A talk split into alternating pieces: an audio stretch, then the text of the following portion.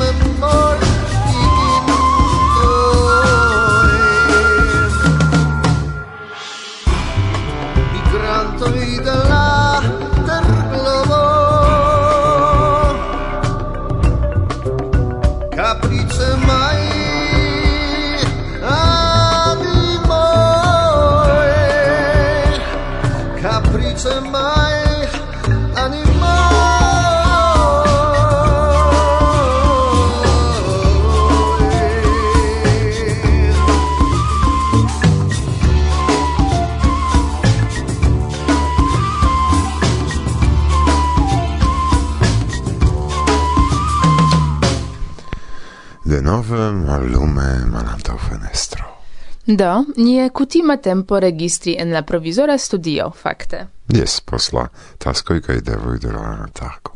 Ni citie plezure antau vi, care auscultantoi. Ce la microfono. Cai biero. Pretai ausculti cune cun vi la programon. En kiu, crom kiel ciam bona esperantista muziko? Microfono rencontigio cun violonisto, muzikisto profesie Garo el Norvegio. Kai Angel Alquios Lopez, prezidanto de Andalusia Esperanto Unuigio. Kiu ne nur presidentumas. Sed ancau verkas poemoin pri kio pos momento vi convincigios. Angule presentos sian verkadon Miguel Fernandez, Li Vendek, Jorge Camacho, Istvan Ert kaj Ricardo Cash, Pri tio, kion interesan oni povas trovi en libro servo, rakontos al vi Johano Pachter, Kasia Ho turnus vian atenton alla latina lingvo. Agnieszka malcasos al vi la sekvan aktivecon de nia teamo kaj Silvia mencios iom pri la plantoj manĝeblaj. Kaj mi rakontos pri nenio. Pri nenio? Yes. Nordo, povas esti ankaŭ pri nenio, kial ne? Interese. Ĉu ankaŭ malantaŭ via fenestro karaj auscultantoi mallumas nun? au ne, char vi voyagas. Stiras auton? Au cun auscultiloi sidanten buso, traino, rigardas sen detale trapasantan peisagion.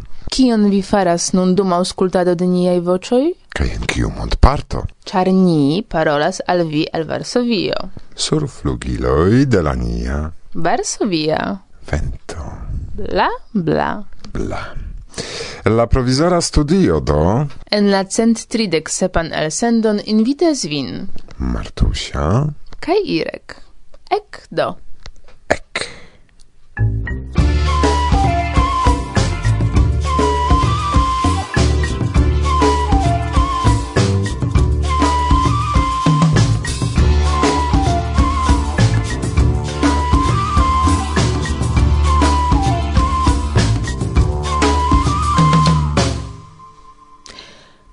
oni bezonas internacian lingvon. Ni esperantistoj diras, ke oni bezonas ĝin, ĉar ni volas egalecon kaj simplan komunikadon. Por ĉiuj pli bonan estontecon. Kvankam ĉu same bezonas ni unu lingvon por kompreni komunan pasintecon? Laŭ la lingva komunumo, pri kiu mi rakontos hodiaŭ? Jes, certe. Pri kiu temas? Pri entuziastoj de la vivanta latina lingvo.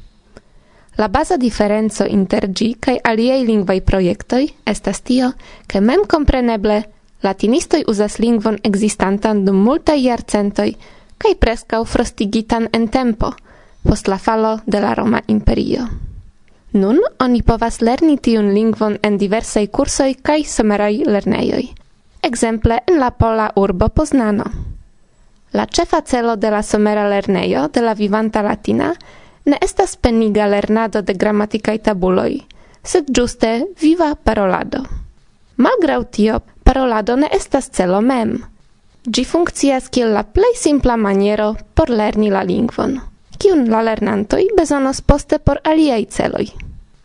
Dankal la interreto estas atingeblaj multegaj malnovaj latinaj tekstoj, kiuj neniam estis tradukitaj.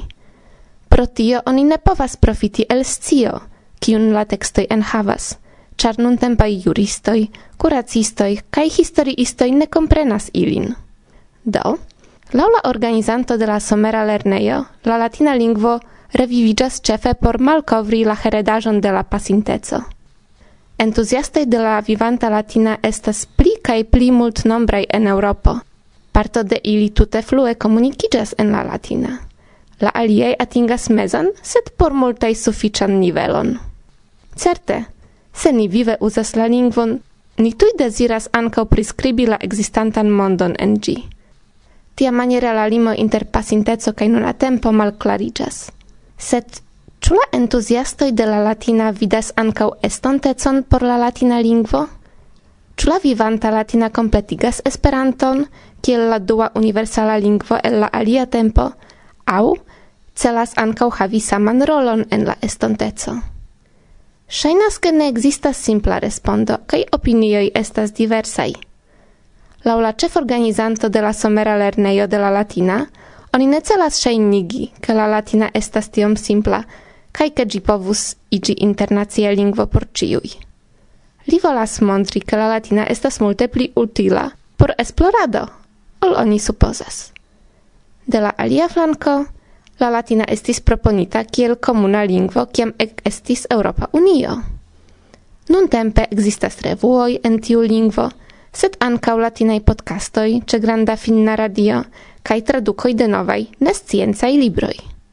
La vivanta latina allogas junajn homojn, kiuj volas travi ligilon kun la pasinteco kaj ankaŭ novajn amikojn el aliaj landoj. Same kiel en Esperanto oni kreas novajn latinajn vortojn por esprimi novajn fenomenojn, kaj sufiĉe granda latinlingva babilejo iĝis ankaŭ la apo amikumu. Legante diversajn forumojn rimarkis mi, ke multaj latinparolantoj havas bonan opinion pri Esperanto. La sama koncernas esperantistojn, kiuj konas la temon. La temo kompreneble estas pli ampleksa, sed ankoraŭ ne pri ĉio mi eksciis – Se vi trovas la temon interesa, mem esploru. Kasia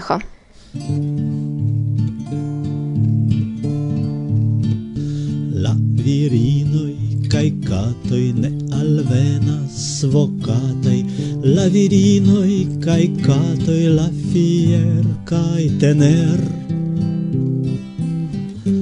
En impet ec desira mistereca, Kai mira venas quaso porcedo, tamen ja por conquer la virinoi kai catoi. Ciu cato surtere shatta svagi libere, kai apera sen heime cun fiera mimic, jen frotet cel femuro, jen kares cae murmuro, cae la cato iam estas la plei bona, amic la virinoi cae catoi. Revas ciu virino varmon del heimasino, tamen ligas la sorton ec cun verva vagant, nur impet ne al voco captas shin quasau hoco venas si sin offere kiel larmo au cant la virinoi cae cantoi. Mi rilatas cun shato al virino al cato al subita al veno la donats del destin sed la sent malconstanta glimetanta glitanta ciu foie molestas cae turmentas iamin la virinoi cae cattoi. Por la sento sen vundoi mi ec pensas pri hundoi kiui estos fidelai cun cortusha naiv tamen re ne vocato ciu virino ciu cato nova revo impeta nova senso del viv la virinoi kai catoi. La virino kai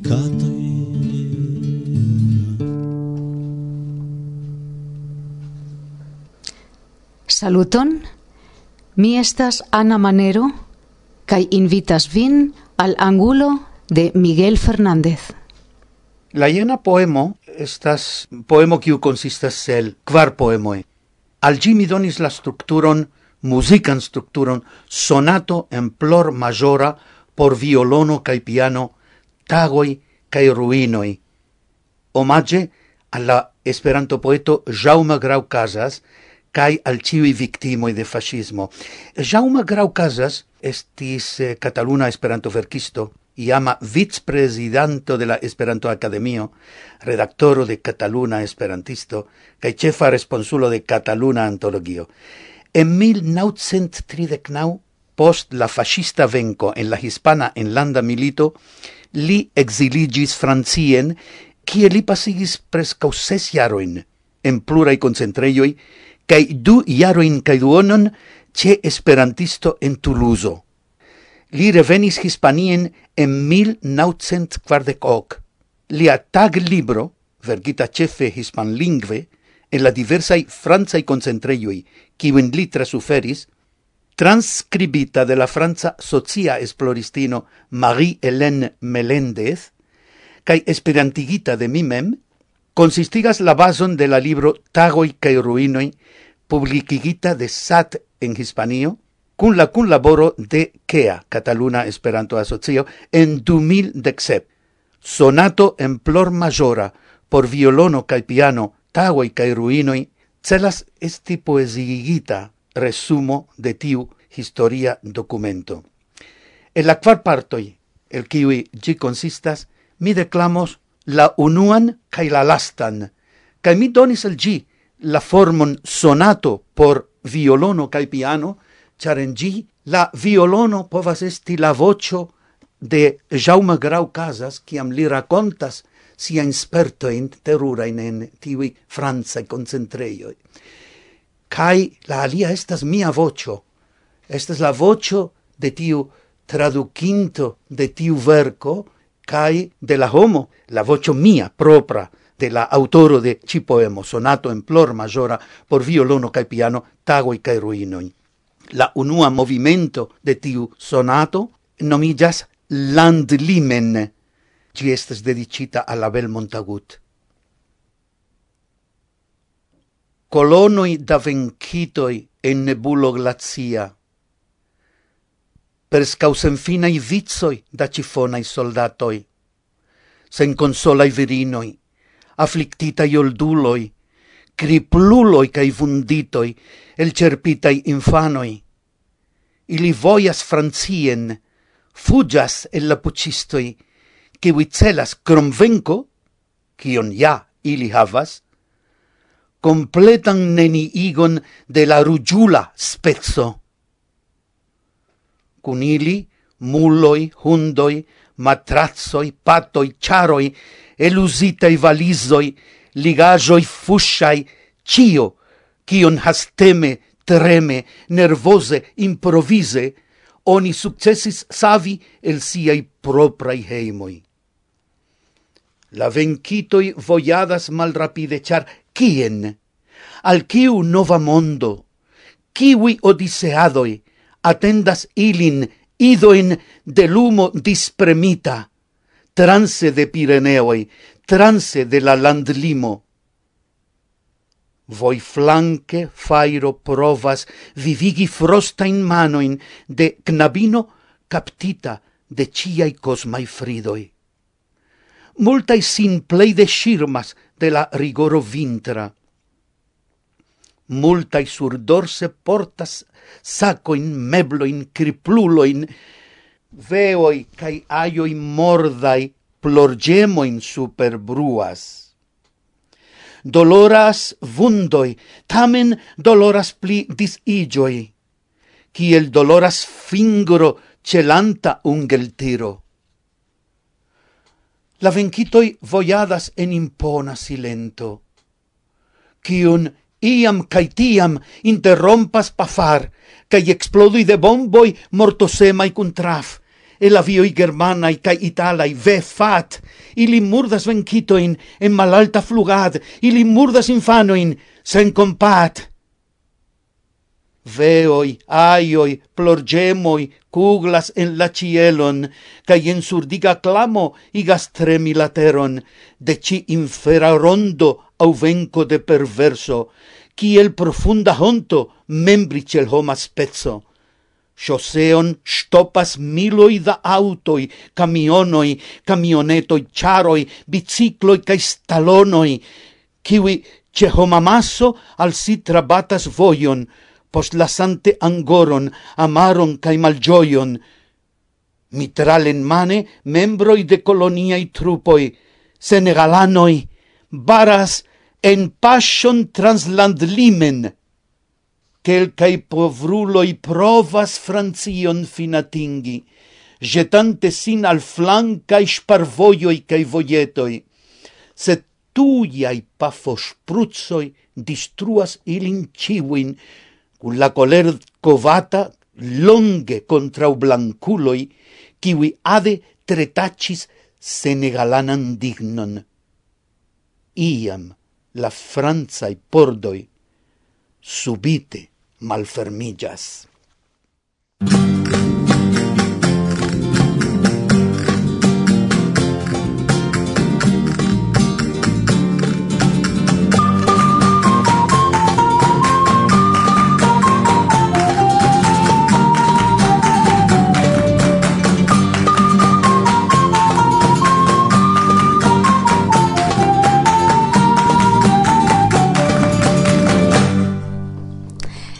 Estáis escuchando la radio Varsovia Vento.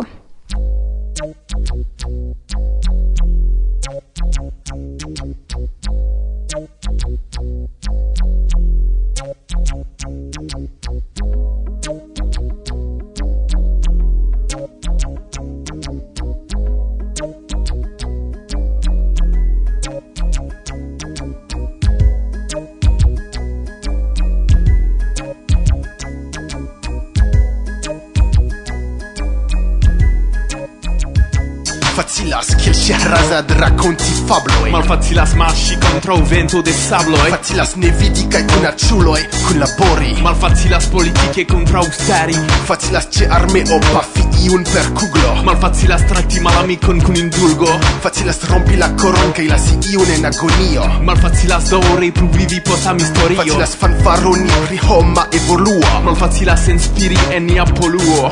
Facilas por juĝisto alsenti homon al mortalo. Malfacilas ekvivi pri sia propra moralo. Facilas promesi internacian televidon. Malfacilas pri Flavio havi plu da filo Facilas sin kaŝi malantaŭ Dio kaj libro. Malfacilas trovi en si mem ekvi verki libro. Facilas kulpigi alian vivmanieron kaj emon. Malfacilas batali kontraŭ tutan sistemon. Facilas ĉiam uzi ironion aŭ sarkasmon Malfacilas trovi en la vivo entuziasmon Facilas obei laboron strikte Malfacilas daŭri sen salajro strike Facilas por ni paroli cum fluo kaj poetike Malfacilas provi repi. Post la paf klik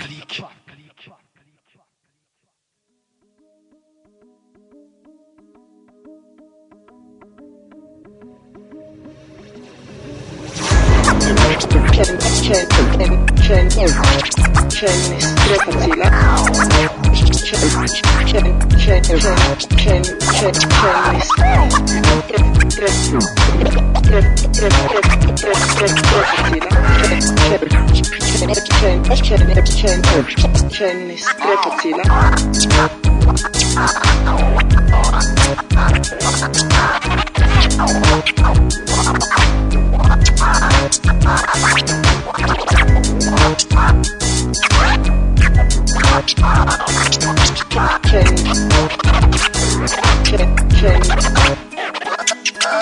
Cennis, tre facila.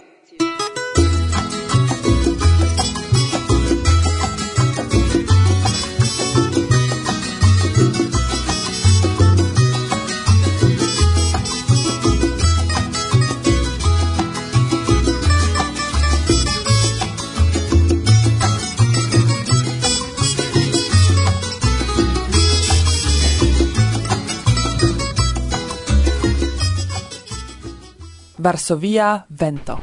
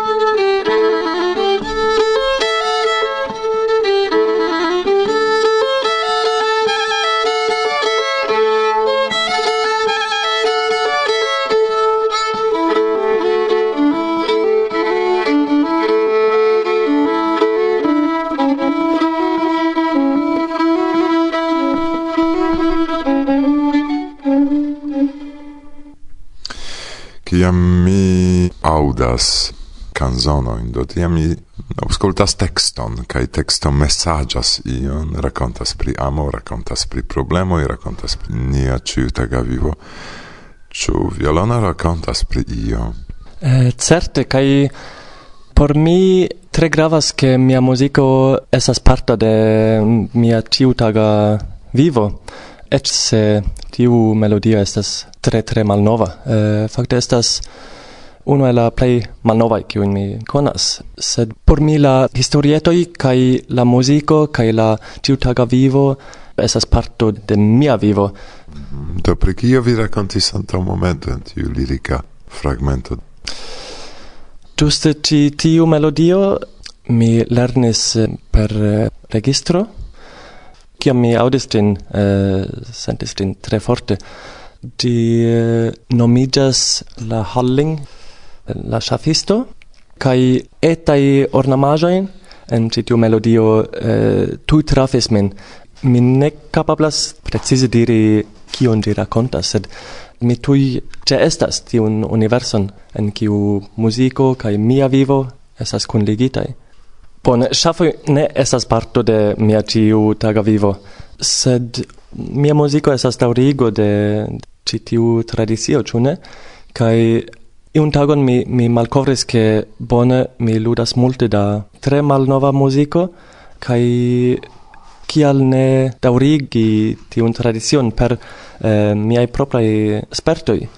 Kai tiam mi tut simple componis tion kion mi, mi shatis, mi mem, kai kiu inspiris de la ocasajoi eh, circa mi Do temas pri aviadiloj, temas pri manĝaĵo, temas pri foje eĉ foje eĉ amo, ĉu ne? Do antaŭ ol vi prezentiĝos ludu ion pri amo.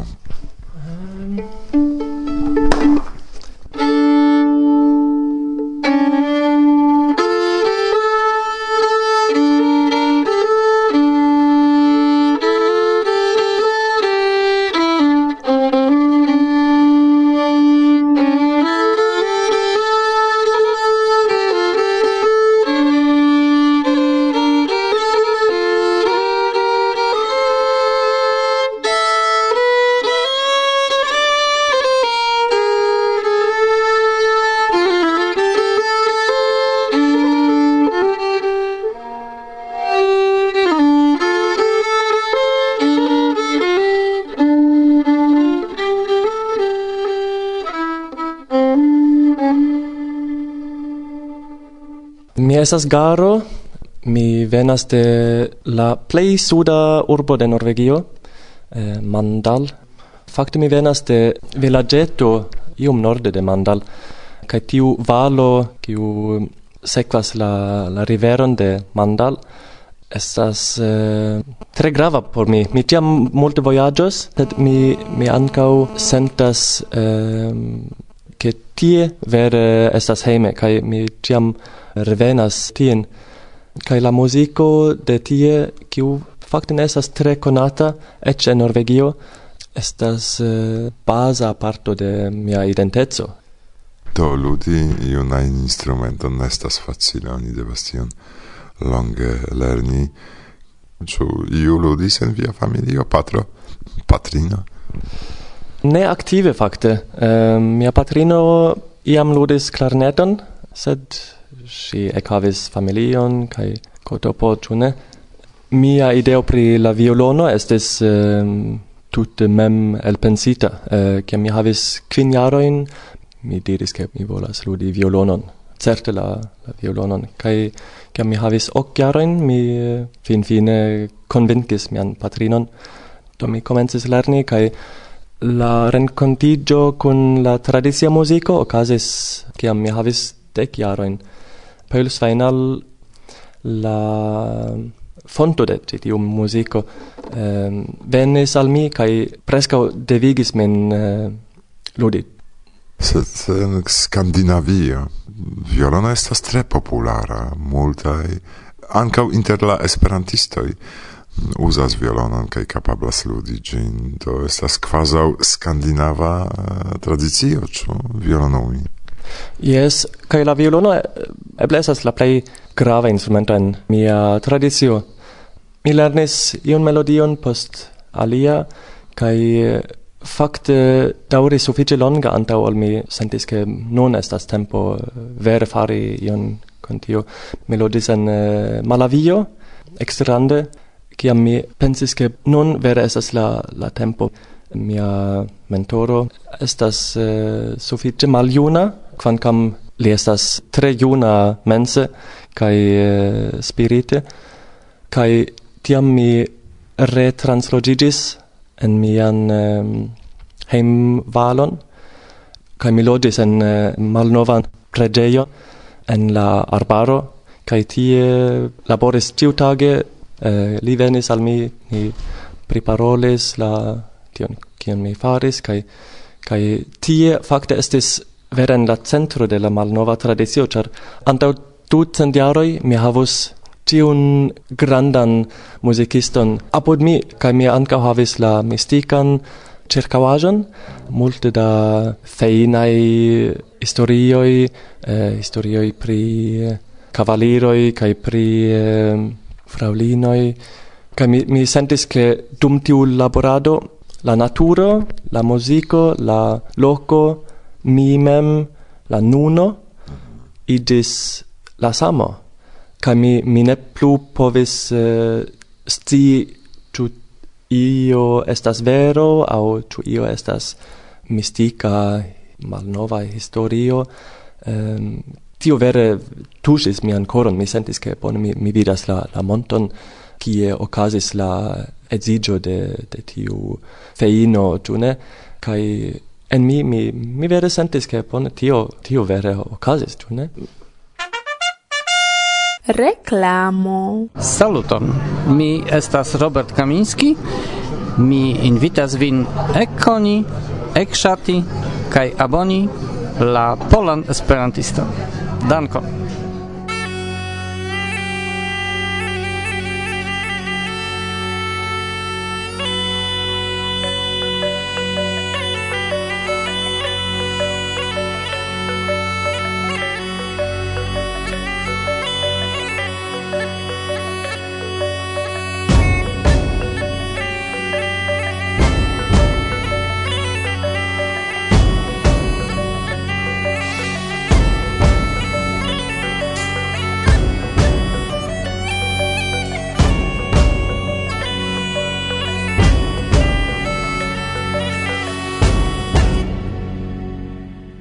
via vento. Bla, bla, bla.